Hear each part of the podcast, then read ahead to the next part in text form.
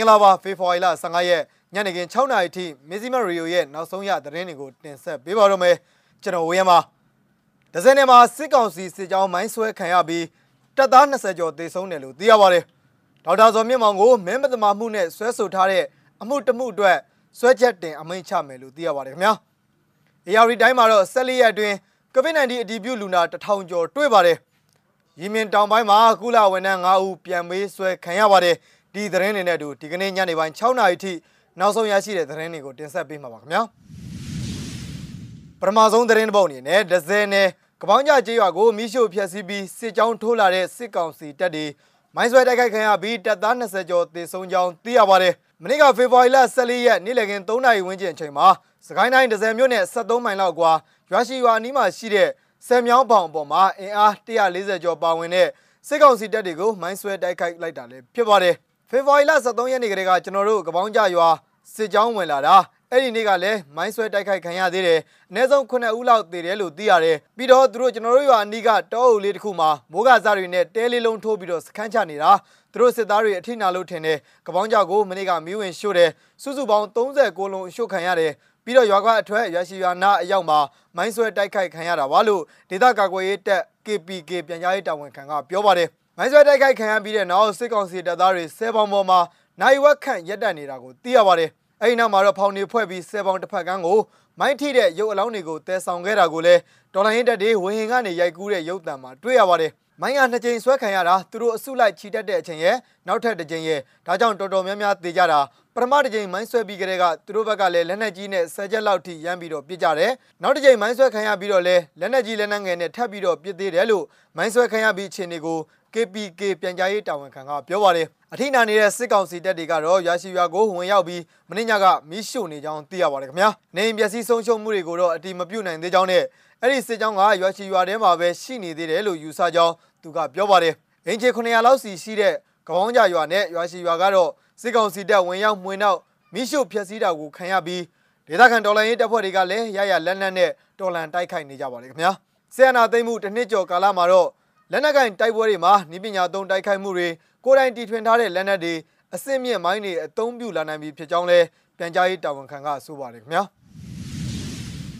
နောက်ထပ်သတင်းတစ်ပုဒ်အနေနဲ့မန္တလေးတိုင်းဝန်ကြီးချုပ်ဒေါက်တာဇော်မြင့်မောင်ကိုမဲမတမာမှုပြုလုပ်တယ်လို့ဆိုပြီးဆွဆွဲထားတဲ့အမှုနှစ်ခုအနက်မှာတမှုကိုဖေဖော်ဝါရီလ16ရက်နေ့မှာဆွဲချက်တင်အမိန့်ချမှတ်ဖို့ရှိကြောင်းအိုးဘိုထောင်တွင်သတင်းရင်းမြစ်ကမဇီမကိုပြောပါတယ်အဲ့ဒီမှုကိုရွေးကောက်ပွဲဆိုင်ရာတိကျဥပဒေပုံမှန်130ကနဲ့တရားစွဲဆိုထားတာဖြစ်ပြီးမနက်ဖြန်ဖေဖော်ဝါရီလ16ရက်နေ့မှာအိုးဘိုကျင်းတော်တွင်မှရှိတဲ့အောင်မြေသာဆန်မြို့နယ်တီးတန့်တရားရုံးမှာရုံးထုတ်စစ်ဆေးမှလည်းဖြစ်ပါတယ် ဝန်ကြီးချုပ်ကိုစစ်ကောင်စီက2020ပြည့်နှစ်ရွေးကောက်ပွဲကာလအတွင်းမှာမလျော်ဩဇာသုံးပြီးတော့မဲမတမာမှုပြုလုပ်တယ်လို့ဆိုကမဲဆန္ဒနယ်မြေနှစ်ခုဖြစ်တဲ့အမရဘူရမြို့နယ်နဲ့အောင်မြေတာဆန်မြို့နယ်တို့မှာတရားစွဲဆိုထားတာလည်းဖြစ်ပါတယ်အလားတူပုံမှန်နဲ့အမရဘူရမြို့နယ်တရားရုံးမှာဆွဲဆိုထားတဲ့အမှုတမှုမှာကနဦးဆွဲချက်တင်အမိန့်ချမှတ်ထားပြီးဖြစ်ပါတယ်။သို့ပေမဲ့အဲ့ဒီအမှုမှာဆွဲဆိုထားတဲ့ပုံမှန်နဲ့ညီစွန်းတာကိုမတွေ့ရလို့ရာဇသက်ကြီးပုံမှန်101စာလုံးနဲ့ ပုံမှန်ပြောင်းလဲပြီးတော့ဆွဲချက်အမိန့်ချမှတ်တာကိုခံထားရပါတယ်။မနက်ဖြန်အမှုစဖို့ရှိတယ်။အမရဘူရာမြို့နယ်အမှုအတွက်ကဆွဲချက်တင်ပြီးသွားတော့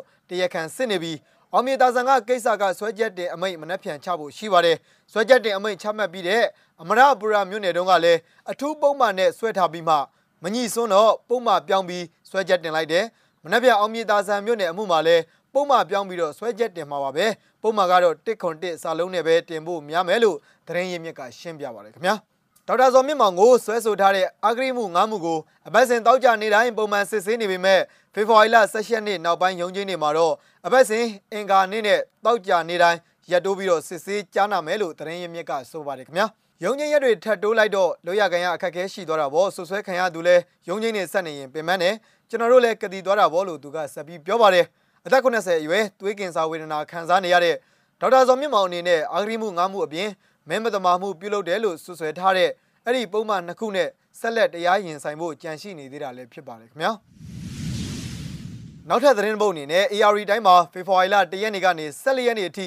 14ရက်အတွင်းမှာ COVID-19 ဒီပြုလူနာ1000ကျော်ထိရှိနေပြီဖြစ်ကြောင်း စစ်ကောင်စီလက်အောက်ခံကျန်းမာရေးဌာနကထုတ်ပြန်ထားပါတယ်။အဲ့ဒီဌာနရဲ့ဖေဖော်ဝါရီလ14ရက်နေ့ညနေ4နာရီထုတ်ပြန်ချက်အရ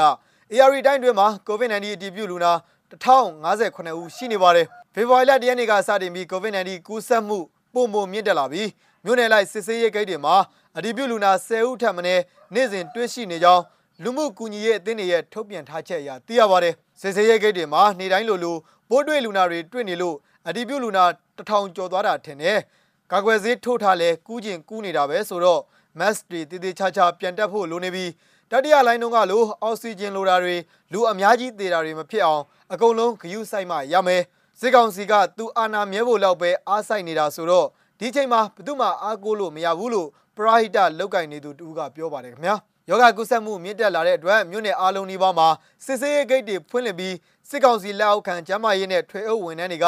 ခီးသွွားပြည်သူတွေကိုစစ်ဆေးမှုတွေပြုလုပ်နေကြောင်းသိရပါတယ်ဖေဖော်ဝါရီလ10ရက်နေ့ကစတင်ပြီး AR တိုင်းမြို့နယ်အသီးသီးမှာစစ်ကောင်စီကဥဆောင်တဲ့အားကစားပြိုင်ပွဲနဲ့ပွဲစည်းတွေလူစုလူဝေးနဲ့ပြုလုပ်ခဲ့တဲ့အတွက်ယောဂကုသမှုပုံမများပြားလာမှာကိုဒေသခံတွေကစိုးရိမ်နေကြပါတယ်ခင်ဗျာဇန်နဝါရီလ1ရက်နေ့ကဖေဖော်ဝါရီလ15ရက်နေ့အထိ COVID-19 ကြောင့်ဗိုလ်ကလေးမျိုးက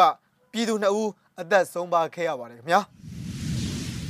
ဒီကနေ့ညနေပိုင်းရဲ့နောက်ဆုံးသတင်းတစ်ပုဒ်အနေနဲ့ရီမင်တောင်ပိုင်းမှာ ကုလဝန်ထမ်း9ဦးပြန်မေးဆွဲခံရတယ်ဆိုတဲ့ AFP ရဲ့သတင်းတစ်ပုဒ်ကိုလည်းဆက်လက်ပြီးတော့တင်ဆက်ပေးကြပါမယ်ခင်ဗျာစစ်ဘေးတန်တဲ့ရီမင်တောင်ပိုင်းမှာကုလဝန်ထမ်း9ဦးပြန်ပေးဆွဲခံရကြောင်းကုလသမဂ္ဂကဖေဖော်ဝါရီလ23ရက်တနင်္ဂနွေနေ့ကပြောကြားလိုက်ပါတယ်။၎င်းတို့9ဦးဟာကွင်းစင်းလုပ်ငန်းများဆောင်ရွက်အပြီးအေဒင်စိတ်ကမ်းမြို့သို့ပြန်လာစဉ်တောင်ပိုင်းပြည်နယ် ABN စီရင်စုအနီးမှာတောက်ကြနေကပြန်ပေးဆွဲခံခဲ့ရကြောင်းကုလပြောခွင့်ရအေရီကက်နက်ကိုက AFP ကိုပြောကြားခဲ့ပါတယ်။ သူတို့လွတ်မြောက်ရေးအတွက်ကုလသမဂ္ဂကရီမင်းအာဏာပိုင်တွေနဲ့အနီးကပ်ဆက်သွယ်ဆောင်ရွက်နေပါတယ်လို့ကန်နက်ကိုကဆိုပါတယ်ကုလသမဂ္ဂဝန်ထမ်းတွေကိုဘယ်သူကပြန်ပေးဆွဲသွားတယ်ဆိုတာလက်တလုံးမသိရသေးပါဘူးအေဒင်မြို့ဟာ2014ခုနှစ်မှာဟူတီတပုံတွေက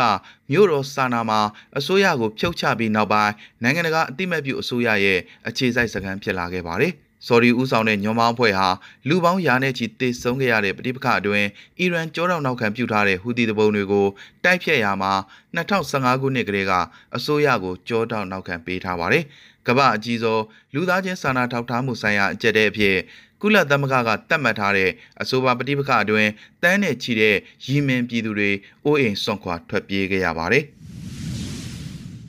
ဖေဖော်ဝါရီလ15ရက်ညနေခင်း6နာရီထိနောက်ဆုံးရရှိခဲ့တဲ့သတင်းတွေကိုတင်ဆက်ပေးခဲ့တာပါခင်ဗျာမီဇီမာရေဒီယိုကိုစောင့်မျှော်နားဆင်ကြတဲ့ပြည်သက်အပေါင်းကိုစိတ်နှပြကျမ်းမာချမ်းသာကြပါစေလို့ဆုမွန်ကောင်းတောင်းလိုက်ရပါတယ်ထူးခြားတဲ့သတင်းတွေနဲ့အတူကျွန်တော်တို့မကြခင်မှာပြန်လည်ဆုံတွေ့ကြပါမယ်ခင်ဗျာ